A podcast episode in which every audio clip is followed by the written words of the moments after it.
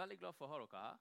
Det, eh, det, vi har jo på en måte, det er jo en slags uh, trepartssamarbeid uh, manifestert på scenen med både arbeidstaker, arbeidsgiver og, og politiker. Uh, men kanskje, kanskje, jeg bare kan begynne med å stille dere et litt åpent spørsmål. altså Det er jo en grunn til at vi har debatter om EØS. Det er en grunn til at vi gjør noe med det. Og det er fordi det er en avtale som er omdiskutert, har vært det hele tiden, men kanskje er blitt det ekstra mye de siste årene. Eh, hva, du, hva er årsaken til det? Hvis jeg skal snakke for Fellesforbundet, så sitter jo en av årsakene her. altså, uh, vi har jo fått en uh, intensivert uh, EØS-debatt mm. grunnet uenigheten og, og, måten arbeidsgiversiden har reagert på mm. i uenigheter om hvordan EØS-retten påvirker Norge. Jeg skal ikke dra hele denne, men bare for å ta den på bordet. Så, mm. så, men det er jo som Tiril sa, det er en balanse. Det er uh, arbeidsliv på den ene siden, næringsliv på den andre siden. Mm. I mitt forbund så er det jo altså Mange snakker om Fellesforbundets landsmøte til høsten. Det er nesten så vi blir kolonisert av interessentene rundt oss. Uh, men uh, det er veldig forståelig at så mange er interessert i våre debatter. For jeg tror ingen bedre enn våre medlemmer altså de kjenner både fordelene ved EØS-avtalen altså Den er helt vesentlig for eksportindustrien. For uh, de av våre medlemmer som jobber i industribedrifter som trenger en helt fri og åpen adgang til det indre markedet. Og så har vi på den andre siden medlemmer som jobber i bransjer som som mer enn noen andre har sett i hvitøyet problemene med sosial dumping. Så våre debatter da, de kan ikke være enøyde. Sant? De må på en måte ta i seg balansen. og Derfor så blir de veldig interessante og veldig spennende. Ja. Mm. Nina? Ja, jeg, jeg, nå er det vel ikke i og for seg noe nytt at EØS eh, e skaper debatt. Det har de jo gjort hele veien eh, i Norge, og i og for seg internasjonalt også. Uh, men jeg, når jeg ser hos, for våre medlemsbedrifter, så er EØS veldig viktig. Det er viktig for at som det ble innledet med, vi er en uh, liten, åpen økonomi. Og mm. handel har alltid vært viktig for uh, Norge. Og skal vi sikre at vi har høy sysselsetting og et godt arbeidsliv, så er uh, våre medlemsbedrifter uh, veldig tydelige på at EØS-avtalen er viktig for dem. For å bidra mm. til nettopp det som vi alle er opptatt av, og også for å bidra til at vi har et uh, godt velferdssamfunn. Mm. samtidig så er det jo ikke til å legge skjul på, som Line også sier, at det skaper noen utfordringer. Mm. Dels, jeg, dels, er det jo de utenlandske arbeidstakerne som kommer til Norge, som kan bli utsatt for lønns- og arbeidsvilkår som de ikke burde vært utsatt for. Og så er det klart at uh, det er, kan gå utover norske arbeidstakere, og at de opplever nedsiden ved avtalen. Mm. Det, men det tenker jeg er ting vi må finne ut av sammen. Uh, og jeg har genuin tro på trepartssamarbeidet uh, og jeg har genuin tro på partssamarbeidet. og jeg syns det er veldig hyggelig, for når NHO gjennomfører jevnlige medlemsundersøkelser, og vi har også andre forskeroppdrag som i og for seg bekrefter at våre bedrifter tror på det og mener at det gir merverdi for dem. Eh, og for de ansatte, selvfølgelig. Altså, begge parter setter uh, pris på det, og de klarer å løse opp i en del ting. Ja, så kan, altså, Trepartssamarbeidet kan da på en måte bli løsningen på hvordan Norge som samfunn skal fungere bra innenfor rammen av EØS? Ja, Vi har mye å ta vare på, og det må vi eh, samarbeide om. Og det er vel i og for seg også at uh, i en stadig mer globalisert verden så har jeg tro på mer samarbeid. Uh, på alle nivåer, egentlig. Du har sikkert noe på hjertet nå, Tore Raymond, men bare høre kjapt, uh, um, kjapt reaksjon til Line på, på, på dette med trepartssamarbeidet som, en, som på en måte måten å møte det på. Ja, Vi er jo veldig opptatt av, av det. Vi mm. vil jo ha et godt partssamarbeid, og et partssamarbeid som ikke fyrer opp under eller stadig heller bensin på mm. EØS-bålet, sånn som vi til dels har sett da, i en tiårsperiode nå. Og, mm. og vi ønsker uh, politikere som uh, mye klarere hamrer på veggene i dette handlingsrommet, sånn mm. som Raymond uh, og Robert gjør i Oslo, mm. med å ikke liksom sette gjerde 50 meter fra stupet i tilfelle det er noe i strid med EØS-retten. Men ta sjansen på at det skal gå. Og jeg ønsker parter som kan bli enige om at sammen setter vi gjerdet der, og der vil vi at det skal stå. Og da tror jeg vi har mye større forutsetninger for å holde ESA på armlengdes avstand. Det var jo en glimrende lissepassing. da, Raimond. Vi skal dykke ned i arbeidslivet, Ja men kanskje jeg kan få lov for du, du har jo vært opptatt av internasjonal politikk så lenge. lenge. Ja. Så kanskje vi skal, skal vi Ja, begynne med å heve blikket prøve litt, helt fordi først? Det ligger noen paradokser i at EØS-debatten og på Fellesforbundets landsmøte akkurat nå uh, er det viktig. Nå er motstanden størst. Bare minner om at I årene 2008-2009 så økte Oslos befolkning med rundt 15 000-16 000 i året. Hovedsakelig EØS-innvandring. Da var det virkelig hele norsk arbeidsliv, arbeidslivet i Oslo, var utsatt for et hardt, hardt press. Da ville det på en måte vært logisk at da var jo også motstanden størst. Etter hvert som jo eh, Tiril viste, så var jo også den økonomiske veksten i Polen og Romania veldig høy, så mange har flytta tilbake. Eh, men det er jo en del av de politiske konjunkturene. Senterpartiet, Rødt, har ønska på en måte å veldig tydelig kanalisere mye av misnøyen i norsk arbeidsliv, de utfordringene knytta til EØS-avtalen. Det har vært et uh, politisk ønske å gjøre. Mm. Jeg er uenig i det. For det er jo ikke noe sånn objektivt sett noe akkurat nå Mm, som gjør at ting har blitt mye verre. mm, Snarere tvert imot. Det er en del ting har blitt bedre. Mm. Så det dreier seg jo om, så vi må løfte det opp på det nivået at det er en generell euroskeptisisme. Ja, Og da du- også mot, særlig i deler av fagbevegelsen. fordi oppslutningen i Norge som sådan om EØS-avtalen er jo fortsatt veldig høy. Men det er utfordrende nå i Fellesforbundet. Kommer til å være, være utfordringene. Og så har man eh, noen rettskraftige dommer som har vært eh, utfor Ja. utfordrende å, å takle. Men det er jo ikke, du kommer ikke bort fra at dette er politikk også. Ja, men er det òg bare Er det rett og slett et tegn i tiden? Altså, vi, vi så nettopp valget til EU-parlamentet, vi har brexit, altså vi har på en måte Vi har Trumps valgseier. Er det noe med i hele den vestlige verden, hvis vi skal ta det helt i det store fugleperspektivet, der oppslutningen om internasjonale avtaler rett og slett eh, svekkes? Eller økt. Altså, du, det er jo, eh, du ser jo også det at det er jo slått en del tilbake Mm. i de europeiske landene, som da har eh, i større grad enn tidligere også slått ring rundt uh, det europeiske samarbeidet. Så det i hvert fall kan si, er at det er mye mer polarisert.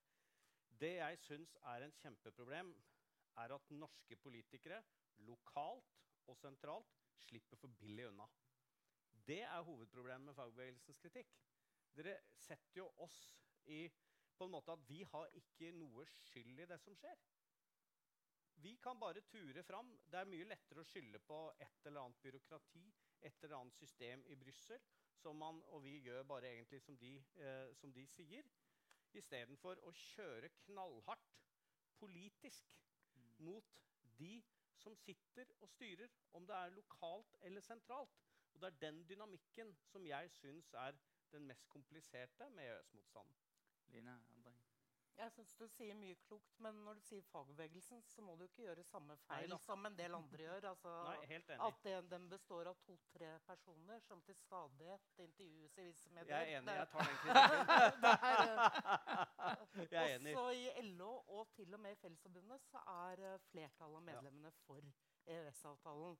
Men det er nok en litt sånn der sympathy for the devil-feeling. Altså. Ja det, det, det er, eh, det. det er eh, dilemmaer her.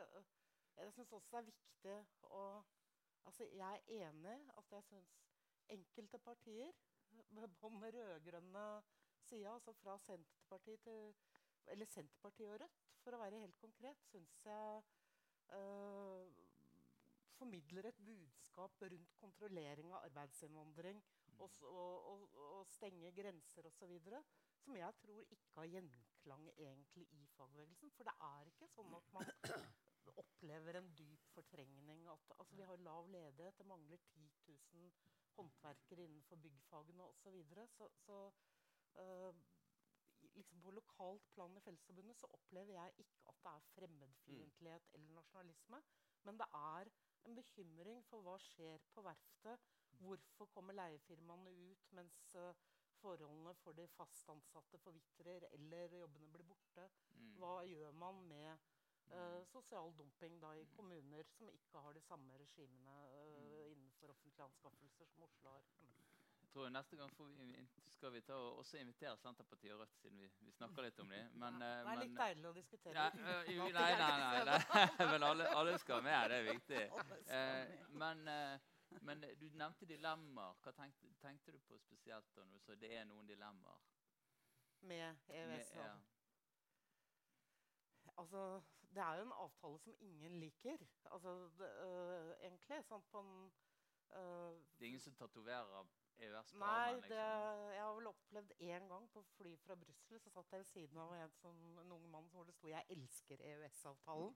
På T-skjorten? Ja, Og Ja. selv i det miljøet vakte han stor oppsikt. Kanskje, kanskje det er det vi bør gjøre òg, da. Altså, jeg Ja. tenker at, eh, at uh, Nå har vi jo levet med EØS-avtalen i mange år, men det er jo, jeg har barn på 20 år, og det er klart at de har ikke levet uten EØS-avtalen. Nei. Eh, og det å være litt flinkere til å si hva det faktisk betyr for oss. For vi er, vi er vel kanskje skrudd sammen litt sånn, vi mennesker også. At, uh, at vi snakker om det som irriterer oss, fremfor det som gagner oss. Og eh, vi snakker av og til ja, noe om at 80% av EØS-avtalen er jo bra. Mm. Ikke sant? Og Kanskje til og med 99, men, men så er det noen utfordringer. Og som blir vi sittende og prate om de, fremfor å minne oss selv om hva den betyr for både norsk arbeidsliv og norsk næringsliv. Jo, bare, jeg, jeg er enig, og litt Mm. tilbake til det Raymond sa i sted om eh, Altså, Vi har en paradoksal situasjon hvor av og til både høyresida, kanskje arbeidsgiverdel av arbeidsgiversiden, og liksom mest radikale nei-sida har en slags felles interesse av å bare peke på Brussel. Mm. Altså si Regulering av bemanningsbransjen er et godt eksempel.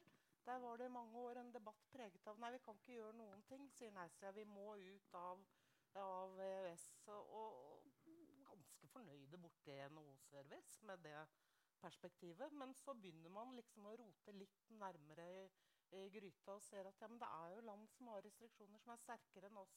Og dermed så utvider vi handlingsrommet, og vi kan sette andre krav. Og det har jo fått resultater allerede i lovverket. Altså, du kan ikke melde deg ut av Norge selv om Norge fører en reaksjonær, høyreorientert politikk. Da må du ta opp kampen for å gjøre noe med det. Mm. Og det er ikke sånn samme logikken er at hvis du For høyrekreftene har jo styrt mye i Europa. Mye av det de har stelt stand, er noe jeg er dypt uenig i. Og da gjelder det å ha politisk kamp for å endre reglene der. Og det har vi gjort veldig tydelig i Oslo. Sett hva som er handlingsrommet vårt. Mm. Og eh, politikk er for meg å ville. Og det å lene seg fram. Og vi har utfordra på en rekke områder for å endre arbeidslivet i Oslo. Ikke alle er glad for det, men vi samarbeida veldig godt med fagbevegelsen og med arbeidsgiversida Mm. for å få knesatt Oslo-modellen. Oslo kjøper varer og tjenester for 27 milliarder kroner i året. Da kan vi styre markedet ved å stille knallharde krav. Det er i grunnen essensen. Både når det gjelder arbeidsliv og når det gjelder miljø og klima. Mm. Og det, du må bruke din makt ved, til å styre. Og det kan staten gjøre. Både gjennom Statsbygg, gjennom, eh, gjennom de reglene man har både innenfor helse og sosial og ellers. Være, fordi at da, nå er det én ting som gjelder. Det er lavest mulig pris. Mm. Vi fikk Veireno-skandalen i Oslo, hvor, hvor lavest pris var det eneste som betydde noe. Det er det mest outrerte eksempelet, men du har mange mange av de. Og da går jo ting veldig dårlig. Og da har vi hatt en debatt hvor vi da snakker om Tenk så deilig å være politiker. Det er, EØS det som bestemmer det. Og så istedenfor å ta ansvaret selv, så finner vi ut at du har selv ansvar for å kunne gjøre noe med det. Mm. Og da er det mye lettere for en stakkars velger å kunne gå og stemme ned meg, eller stemme ned de som har stilt til valg lokalt eller sentralt. Så det, jeg mener at det ligger en opportunisme i hele denne debatten som er ganske skremmende. Hvor Mm. politikere egentlig sier at de ikke har makt til noe de har makt til. Mm. Og så blir de ikke stilt til ansvar fordi man har en debatt som noen ønsker å tjene på for å vise handlekraft. Det, er, det viser mer handlekraft gjennom å si at ja, jeg er veldig mot EU, jeg er veldig mot EØS. Det skal vi skrote, det skal vi kaste på skraphaugen. Så framstår du handlekraftig enn å si at ja, jeg skal ringe ordføreren. Jeg, jeg skal si det til ham. at vi er nødt til å stille veldig strenge krav. Og det er, den vi må, det er den form for politikk som er litt sånn grasrotpolitikk igjen. Det er det vi må greie å, å få fram, og det er det vi må bli pressa på. Framfor å ha en metadiskusjon om noe annet. Hva sier du til de som sier at uh, den avtalen det er en, ja, det er en abonnementsordning på høyrepolitikk, f.eks.? At det ikke Det er jo et vanlig argument. Vi, evidently så har jo ikke vi, uh, vi Vi har jo da gjort mye i Oslo eh, som er radikalpolitikk innenfor rammene av EØS-avtalen. Tariff, kontraktkjeder, uh, det å kunne uh, trace eller spore pengene. Alt skal Nei til kontantbetaling. Vi har I sann tid så vet vi hvem som er på byggeplassene. Uh, nei, ta, uh, nei til sosial dumping. Vi greier å følge ut hvem som faktisk er der, helt detaljert og kontrollert. Det gir folk en forutsigbarhet. Lønn mellom oppdrag. Én i kontraktkjeden. Det er jo progressiv politikk. Mm. Og igjen så håper vi at det skal føre til mange nye, mange nye medlemmer til både Fellesforbundet og Fagforbundet. Uh, I tillegg til at arbeidsgiversiden er med for å få et regulert arbeidsliv. Det er jo mulig. Det er radikal politikk som vi ønsker å bli målt på. Tenkte du på EØS-avtalen som Mm. en uh, avtale for høyrepolitikk? Ja, jeg, jeg tenker også at Det er jo viktig at vi minner oss selv om at eh, EØS-avtalen sikrer jo også arbeidstakerrettigheter. Mm. Eh, og opp igjennom så er det, det er jo direktiver både på arbeidstid, på diskriminering, på likestilling, på virksomhetsoverdragelse.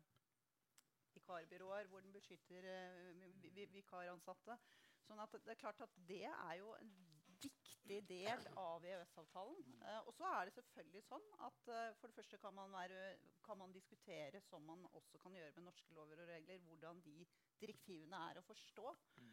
Men for det andre så er det jo sånn at de fleste direktin, direktivene innenfor arbeidslivsområdet, det er minimumsdirektiver. Mm. Så de er ikke til hinder for at vi kan ha høyere eh, arbeidervern hvis vi ønsker det.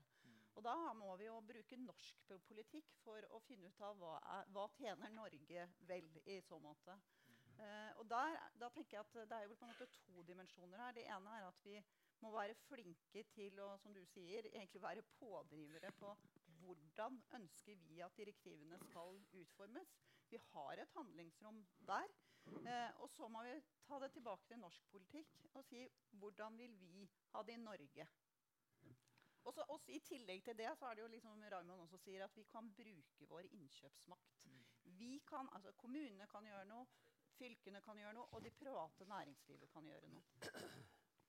Nei, altså Angående å abonnere på høyrepolitikk uh, i EU Vi abonnerer jo på høyrepolitikk her hjemme for tida. Sånn at, uh, det, og jeg mener jo at det er der hovedproblemet ligger. Og så er for så vidt da Oslo et eksempel på at innenfor vår politiske modell med kommunalt selvstyre så klarer man å få til det, selv om vi abonnerer på høyrepolitikk Mm. på Stortinget Mm. og i Brussel, vil noen mene. Det er helt klart at det er noen prinsipielle og viktige temaer knytta til Norges tilknytning til EØS, til et mulig EU-medlemskap, som vi må diskutere.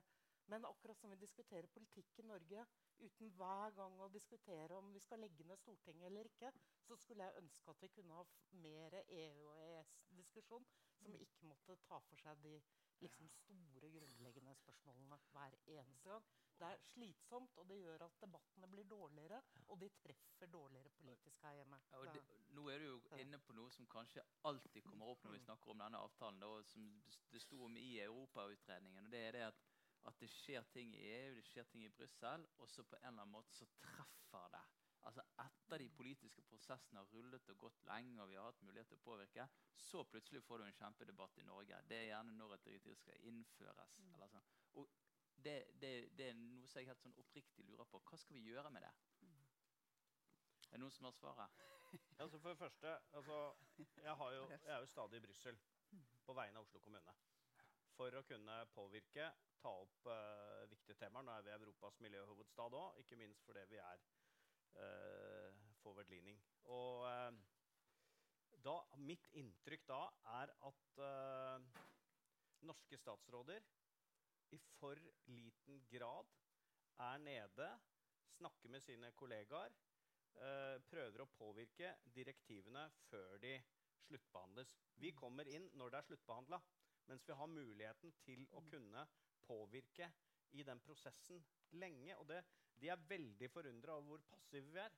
Og jeg tror det også har litt med debatten i Norge Debatten i Norge er passiviserende for den Mm. deler av det politiske liv hvor på en måte det er et eller annet vedtak Mm. vi får i Brussel, som vi forholder oss til, istedenfor å være med og eh, påvirke det i en radikal retning. Mm. eh, eller den retningen vi eh, selv ønsker. Det er i hvert fall én måte å gjøre det på. Så er det ikke sånn at eh, vi eh, altså, Og vi har alliansepartnere Mm. blant andre land.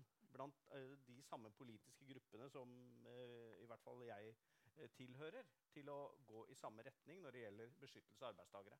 Det er én måte å gjøre det på. Mm. Jeg tror alle har et ansvar her. Jeg, jeg tenker at uh, igjen at uh, både norske politikere har et ansvar for å bringe debatten hjem til Norge så, og minne oss om hva det er. Hva blir diskutert der nede nå? Uh, det kan også NO bidra med. Altså, Mm. klart Vi har et Brussel-kontor. Det kan LO bidra med. Og vi må jo da klare å ta den debatten i Norge. Hva er det vi ønsker? Og så kan, Det beste ville jo vært om vi da hadde klart å bruke dette gode trepartssamarbeidet til å gå tilbake til Brussel og si sånn er det vi kunne ønske oss at det skulle være. Og til og med alliert oss med andre land.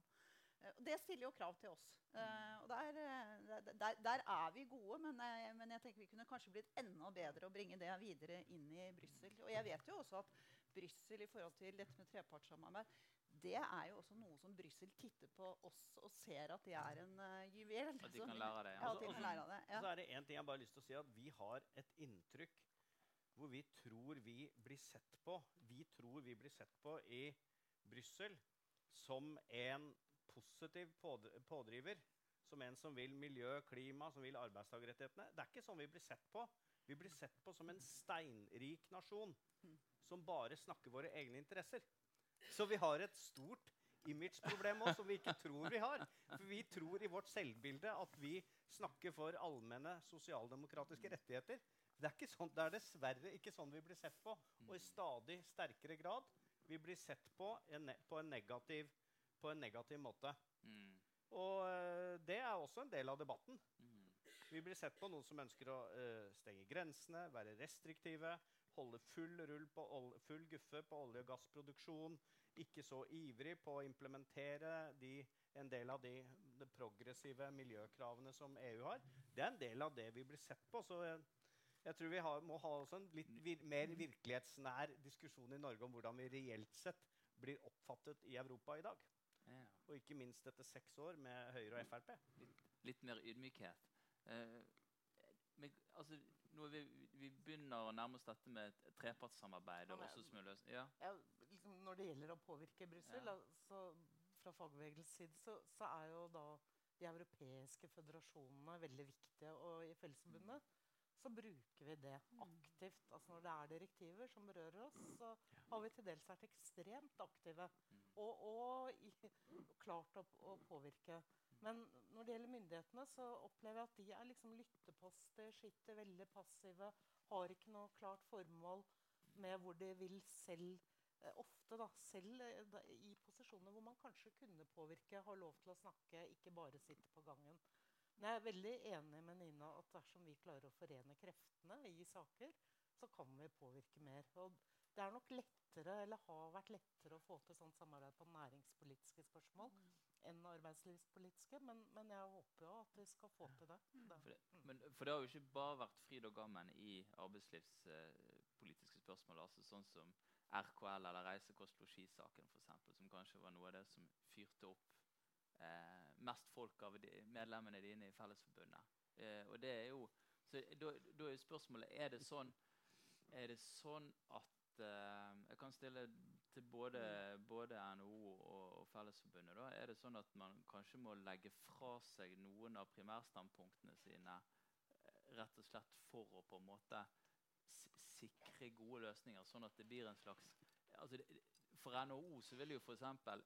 EØS-avtalen vil jo være utrolig mye viktigere enn på en måte en liten seier i forhandlingene med Fellesforbundet. Er det sånn at man Ja. Jeg- Du, du jeg kan- skjønner hvor jeg vil, jeg kanskje? skjønner hvor du vil. Og jeg, jeg tenker at eh, den reisekostologisaken og den har flere aspekter i seg, og den den er eh, dilemmafylt. og man kan... eh, jeg har fulgt den saken faktisk fra starten av. Eh, og eh, hvis vi går tilbake til østutvidelsen i 2004, så var man jo liksom Bruken av allmenngjøringsinstituttet var da på en måte Skulle man ta det i bruk, skulle man ikke ta det i bruk? Det var jo en diskusjon. Eh, og for verftene så, så tror jeg altså min, min refleksjon nå i etterkant er at vi skulle snakket mer sammen. Kanskje bare forklare liksom, Jeg på kan 30 forklare sekunder. ja, hva det Ja. handlet om. Altså jeg kan ta den, det var jo, da kom det østeuropeere til Norge. Innenfor byggområdet så så man at det var behov for å bruke allmenngjøring. Hvilket betyr at man gjør tariffavtalen, eller deler av tariffavtalen gjeldende for alle arbeidstakere som jobber i Norge, for å si det litt eh, enkelt. Eh, og på, bygg så, så man at det var eh, nødvendig å gjøre. Og så var det en diskusjon hvilke deler av tariffavtalen skulle man gjøre gjeldende. Var det bare lønn, eller burde man ta med seg arbeidstidsbestemmelser osv. Innenfor verftsindustrien fikk man tilsvarende sak. Og da ble det en diskusjon på hvorfor hentet verftene inn utenlandsk arbeidskraft. Det husker jeg var liksom den, de, de, Verftene ble beskyldt for å gjøre det fordi at de ønsket å dumpe lønningene.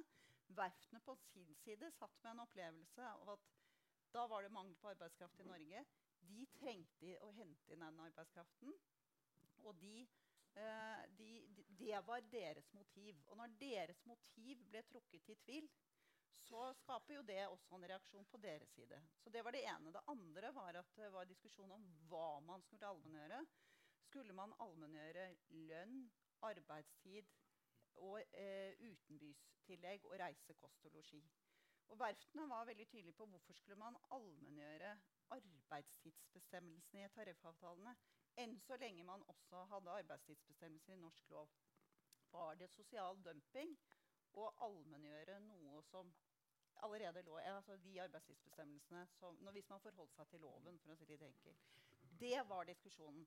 Og så eskalerer det. og Jeg tror nok at hvis vi hadde vært litt Min selverkjennelse på det er at vi burde satt oss ned og brukt mye mer tid på å finne løsningen der og da. For det, ellers så eskalerer konflikten. Vi skal snart uh, åpne for spørsmål for, fra salen òg, for jeg tror det, det er mange som er interessert i tematikken her. Men eh, eh, Line, Ja, nei, jeg skal være veldig kort, for ellers så blir det veldig Mm. langt.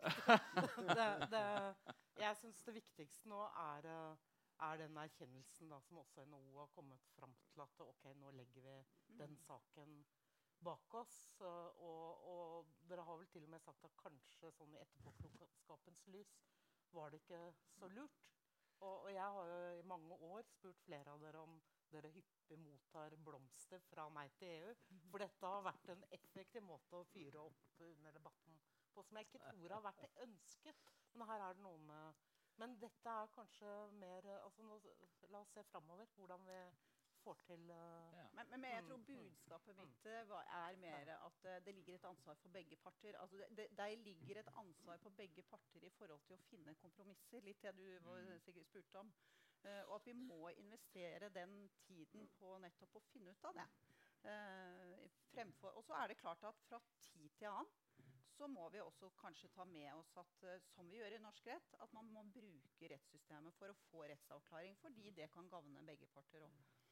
Der har vi jo fått en utrolig bra rettsavklaring i norsk høyesterett i denne saken som har ridd som en vare i Det, ti det, år. det humres innforstått i lokalet. Eh, er det, Raymond, dere har lagt fram Oslo-modellen. Den ruller og går. Den eh, blir hyllet i notater av tankesmier annet, og foreslått innført rundt omkring i landet. Eh, har du noen, liksom, er det noen nye ting på tapet? Altså, den på Ja, vi viderefører den inn i helse, so- helse og sosialsektoren. Ja. så den blir veldig omfattende eh, og, og skal tas i, i bruk der. Uh, så vi vil jo bruke den overalt i det vi har eh, makt på. og Utfordra jo staten til å uh, ta i bruk Oslo-modellen. Det avviste regjeringen. Mente at det, det de hadde, var eh, like bra. Det er vi uenig i. Uh, ikke minst at det nye regjeringskvartalet som skal bygges, bør en bruke Oslo-modellen. Uh, det er i Oslo. Uh, det er greit å forholde seg til de reglene vi har her.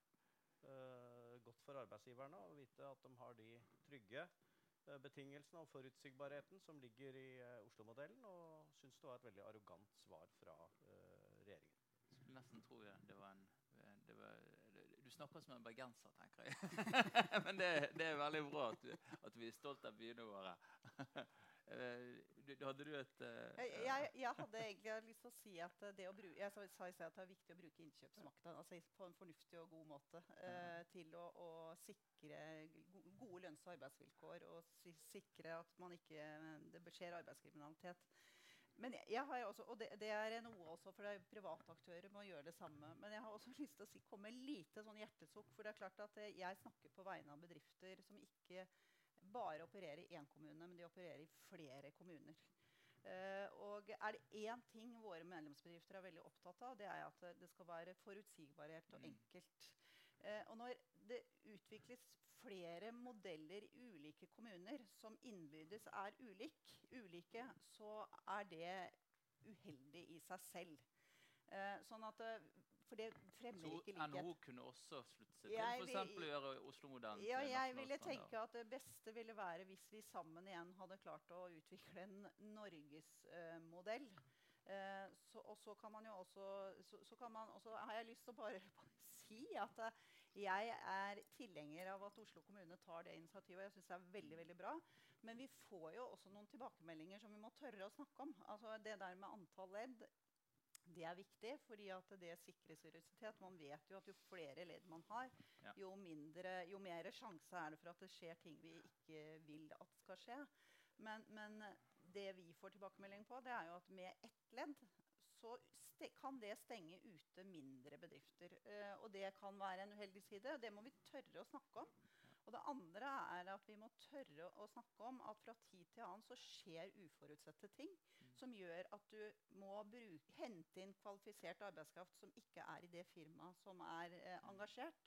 Og hva gjør man da? Fordi at Ellers så sikrer du jo ikke kvalitet. Da tvinger du det firmaet, det ene leddet, til å utføre en jobb de kanskje ikke er de beste til å utføre. Så det må vi liksom klare. Så det var bare mine ønsker. Jeg synes det er et superbra initiativ. Men ja, å tørre ja, å snakke om de dilemmaene. Modellen, modellen, er ganske ny, og det mm. kan være noen ting som får noen virkninger ikke vi hadde sett. Mm. Og vi har en dialog med uh, næringslivet knytta til e, mm. et, ledd. Uh, når det gjelder det med 50% fagarbeidere, så går det veldig bra. 10% lærlinger, så går det bra. Men vi har sett for så har vi HMS-reg. Det betyr at vi kan uh, regulere i sanntid hvem som er der. Og vi har jo sett at uh, det er mange lærlinger på litt over 40 år. Uh, så det er klart at det er ikke helt etter hensikten. Og det kan jo hende at vi da også i for stor grad premierer større bedrifter framfor små bedrifter. Så det kan jo være barnesykdommer som vi vil være åpne for å kunne regulere. Mm. Men jeg sier bare sånn at det henger jo sammen i en kjede her. Oslo har et kraftig underskudd på, med, på folk som tar seg fagutdanning. Det vi gjør nå, er å garantere lærlingeplass for de som ønsker å ta en fagutdanning. Vi ser For første gang på mange mange år så øker antall som tar en fagutdanning. Så det henger jo liksom sammen i løpet. For vi kan jo ikke basere oss på at det fortsatt går veldig dårlig i Polen og i Romania.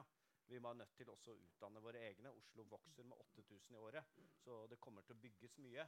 Så da jo, har vi jo et selvstendig ansvar for at folk faktisk ser at det er en framtid i byggebransjen. Og det vi må være knallharde med også, er jo private. For det er jo utrolig, En del av problemet er jo alle som bruker sommerferien sin på å leie inn en polakk til 50 kroner til å male huset sitt. Så det er jo også privat en kamp mot svart arbeid som er med og påvirker hele arbeidsmarkedet i en negativ retning. Line, også kan vi også åpne for spørsmål. Vi har en mikrofon bak her, som, uh, så det er bare å, heve, heve, armen. Ja, jeg synes jo, eller Vi i Fellesforbundet syns det er veldig mye bra eller at Oslo-modellen er altså vi, vi, støtter jo helhjertet det. Og vi støtter helhjerta andre altså Skiensmodellen, Telemarksmodellen mm. altså Noen ganger blir det litt sånn konkurranse. Hvilken modell er best? Det er litt forskjell på kommunene. Det er små og store kommuner. I, I, den debatten om nasjonal modell så må man i hvert fall være sikker på hva man mener med det. For det kan hende at uh, Nina tenker litt på en maksimumsmodell, mens uh, vi tenker på en minimumsmodell. Altså at vi, uh, det er godt vi ikke har én nasjonal modell som skal gjelde i alle kommuner akkurat nå. For da hadde vi jo ikke hatt Oslo-modellen. Sånn at, Mm. hvis det var en maksimumsmodell. Så, men ja. Jeg ser ingen spørsmål i salen ennå. eh, Så da, jeg bare et altså er det et paradoks at det på en måte er lo lokalpolitikere eller folk i kommuner og, fylker som har vært de mest progressive i, i møte med, med noe som egentlig er en internasjonal avtale? Nei, jeg syns ikke Det er ikke paradoks, egentlig. Altså, jeg, det, er, eh, det sier jo noe om eh, ja, altså politikken på kommunalt nivå, på hvor, eh, hvor problemene erfares. Og så er det jo også sånn at vi har statlige aktører som tar ganske kraftige grepene. Statsbygg, eh, eh, Vegvesenet osv. Mm. Altså bare hvordan sosial dumping og arbeidslivskriminalitet var i ferd med å endre hele Oslo. Mm. Vi hadde eierseksjonsloven, som nå åpner for at du kan på en måte bygge ut en femroms leilighet til mange, mange små. Vi så at uh, ser leiligheter rundt hvor polakker og andre uh, bor opptil 10-15 stykker på et ganske lite område. Eh, så det er klart at det infiserer et helt samfunn når arbeidslivskriminalitet og sosial dumping blir regelen. Og ifra, i Oslo, fra den voldsomme veksten fra 2005 til nå, så har jo det vært med å endre litt. Vi har sett søknaden til eh, byggfag gå ned. Eh, byggebransjen har endra. Det snakkes, har nesten ikke snakkes norsk ute på byggeplassene, særlig her i Oslo. Eh, og det påvirker samfunnet. Så det er jo ikke bare snakk om, er bare snakk om arbeidsliv. Det er jo snakk om samfunnslivet. Det er snakk om de store endringene av samfunnet. At vi ikke får ryddighet, at vi ikke stoler på uh, Se hvem naboen er. Uh, så, uh, sånn sett så har Oslo endret seg, så vi ønsker å ha en ryddighet, forutsigbarhet.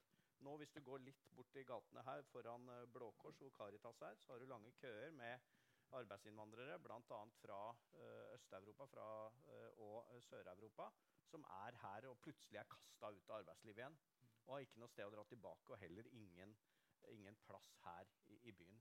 Så dette er et stort samfunnsproblem. Den infiserer hele det norske samfunn. Truer hele den norske øh, forståelsen av et egalitært samfunn. Så ikke bare isoler dette til et arbeidslivsspørsmål, men det er en hvilken retning samfunnet skal gå i. Ja, det, det er jeg helt, helt enig med deg i. og du, du kan si at Der tror jeg faktisk jeg skal skryte litt av Norge også. fordi at uh, vi har vært veldig flinke til å stå sammen om å skulle bekjempe arbeidskriminalitet. Altså, jeg treffer nordiske kolleger som uh, sier at der er de fortsatt der at de diskuterer er arbeidskriminalitet et problem eller ikke. Mm.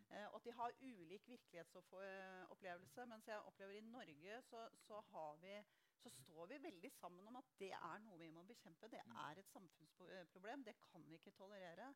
Eh, og så er det jo mer en diskusjon på hvilke tiltak som er hensiktsmessige. Og jeg opplever i og for seg gjennomgående at vi i gross er også enige om hva vi burde gjøre.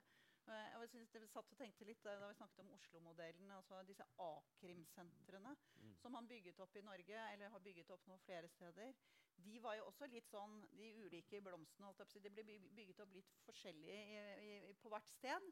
Og så begynner man nå å se at det er viktig å på en måte gjøre de eh, universell, mer universelle. Og så er det jo selvfølgelig, som Line sier, det er jo alltid en noen balanse på, på at det er kommunale forskjeller, og det skal vi jo ha med oss. eh, og det er også bransjeforskjeller. Da tror jeg vi har et spørsmål bak i salen. Supert hvis du presenterer deg og så stiller spørsmålet.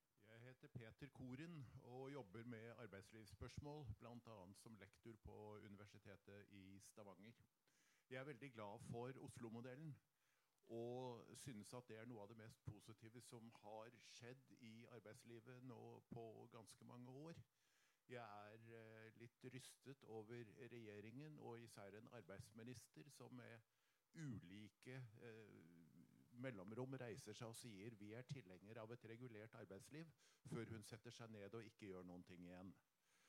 Og jeg tenker jo at det kan skje veldig mye spennende på lokalt eh, nivå.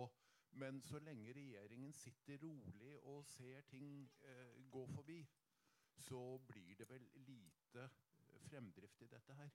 Kunne eh, LO og NHO tenke seg å begynne å stille krav til regjeringen?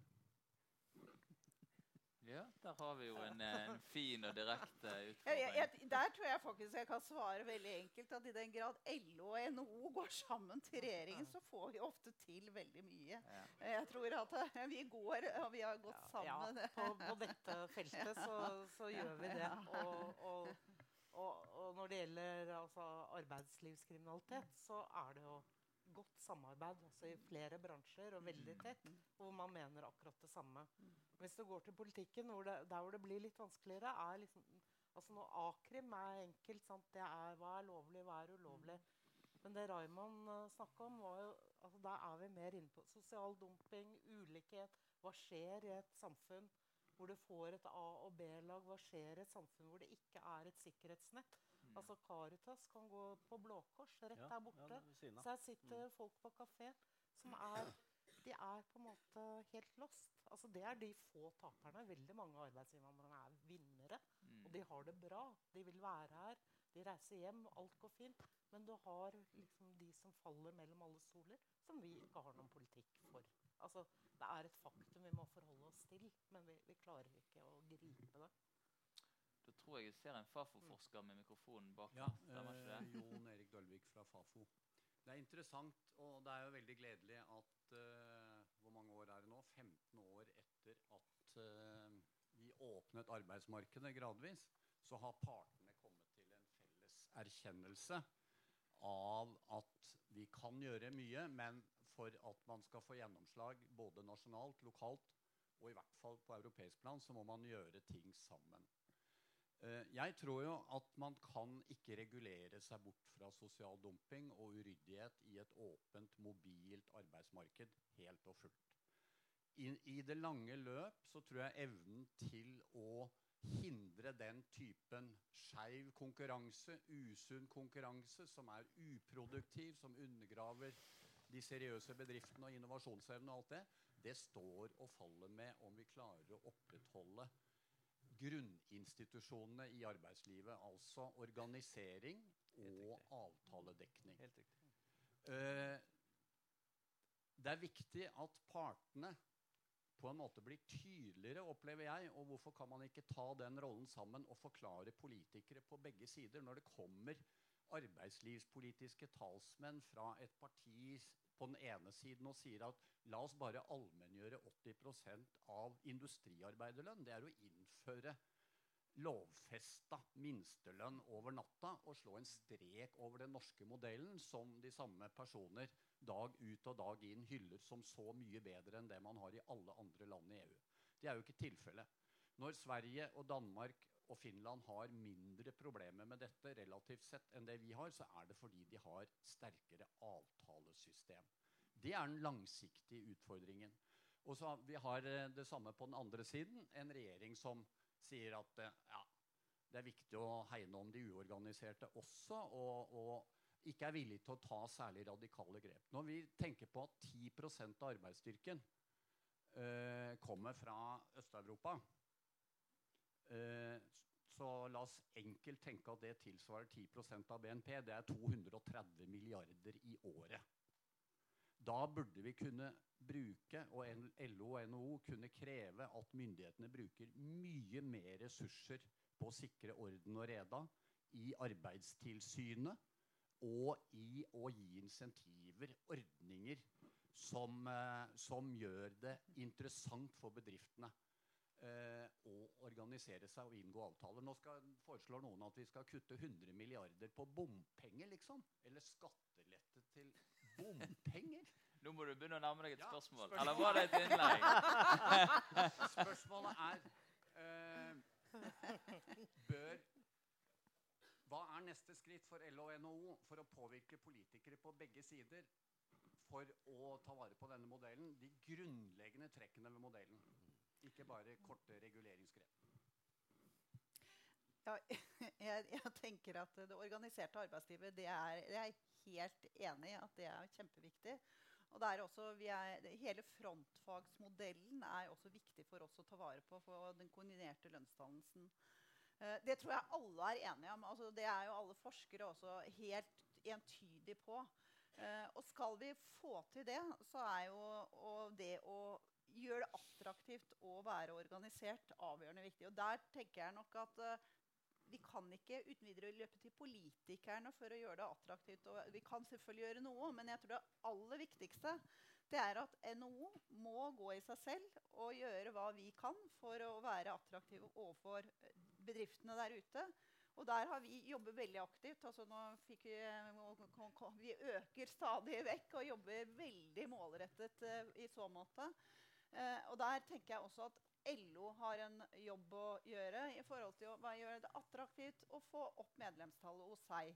Og jeg vet at de sånn relativt, jeg vet også at det foreligger noen gode eh, agendarapporter som peker på man skal, hvordan man bør jobbe. Og jeg, jeg er også tilhenger av at man har store arbeidstakerorganisasjoner som evner å ta et samfunnsansvar. For jeg tror det også bidrar til at vi får til ting eh, sammen, istedenfor at det blir en konkurranse mellom arbeidstakerorganisasjoner som ivaretar særinteresser. Så, så ja, jeg fremsnakker veldig gjerne det organiserte arbeidslivet. Eh, og så er det igjen en del dilemmaer vi må tørre å snakke om, og som ikke jeg tror jeg skal bruke ja. tida på nå. Men eh, Kanskje et, svaret er ja. et felles kraftfullt initiativ fra både NHO og LO på å få opp fagforeningsfordraget? For ja, det hadde vært flott. Og, og jeg, jeg, jeg, vet at Nina mener det hun sier. Altså at hun støtter det og ønsker det. Men jeg synes så, hvis vi går til politikken og regjeringen, så er det litt sånn festkjolen på den norske modellen og organiserte arbeidslivet som man tar av seg og glemmer litt i en krok i hverdagen. Men bare som kloke ord av Dølvik, men det er viktig å se for seg at uh, dette handler ikke bare om å organisere arbeidsinnvandrere. I Norge så har vi en organisasjonsgrad på rundt 50. Den har bikka lite grann totalt sett. Men vi har hatt et underliggende problem i mange av våre bransjer med lav organisasjonsgrad blant nordmenn det gjorde at landet lå litt åpent for lavlønnskonkurranse.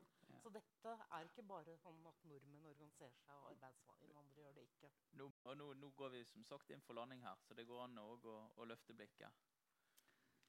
Hvis jeg skulle løfte blikket, så, så, tenker jeg på en måte at er, jeg syns denne samtalen her er bra. Og det er noe med å Når man ser at ting kommer opp som en utfordring, så ta kontakt. Altså, det er jo bare kom med bekymringene, så vi, tør, altså, så vi klarer å snakke om det. Mm. Uh, og det å, å, gjøre det så tidlig at vi har en påvirkningsmulighet, det er liksom uh, tror jeg er min sluttappell, egentlig. Ja. Line?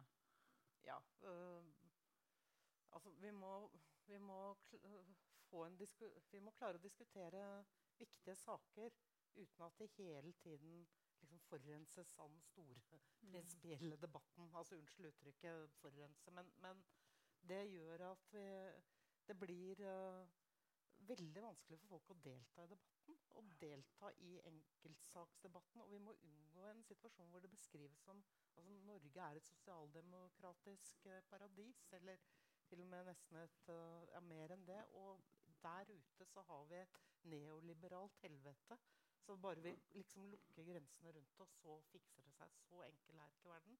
Og det er egentlig ikke sånn de fleste vil ha det. Så vi må ha en diskusjon som kan uh, foregå hvor ikke alt krøller sammen i en ball og slenger seg ut på folk. Altså Jeg er på arbeidsplasser hvor folk sier at uh, det er vanskelig å diskutere EØS fordi det blir så komplisert. Noen er veldig engasjerte på både ja- mm. eller nei-siden. Alle de, det store flertallet i midten, klarer nesten ikke å håndtere debatten. Siste kort, Raymond. Tror du det blir viktig også i lokalvalget i år? EØS? Jeg tror arbeidslivsspørsmål eh, blir viktig, eh, men kanskje ikke først og fremst eh, knytta det til EØS, men for og mot litt sånn noen av konsekvensene av Oslo-modellen. Håper jeg kunne bli. Men det er jo klart at EØS-avtalen er jo den avtalen vi har fordi at vi ikke er medlem av EU. Og EU-medlemskapsdiskusjon er umulig å føre i Norge, dessverre. For det er jo den mest fornuftige uh, debatten for å vie og brede ut hele perspektivet rundt det. Men det innser jeg at det ikke er mulighet til å gjøre. For da har man, slåss man med litt uh, flere Eller har man noe flere verktøy i verktøykassa. Men det er en annen diskusjon. Det er en annen diskusjon. Det var, de, det var, en fin måte å slutte på. Tusen takk til dere som har vært i panel. La oss gi dem en god applaus.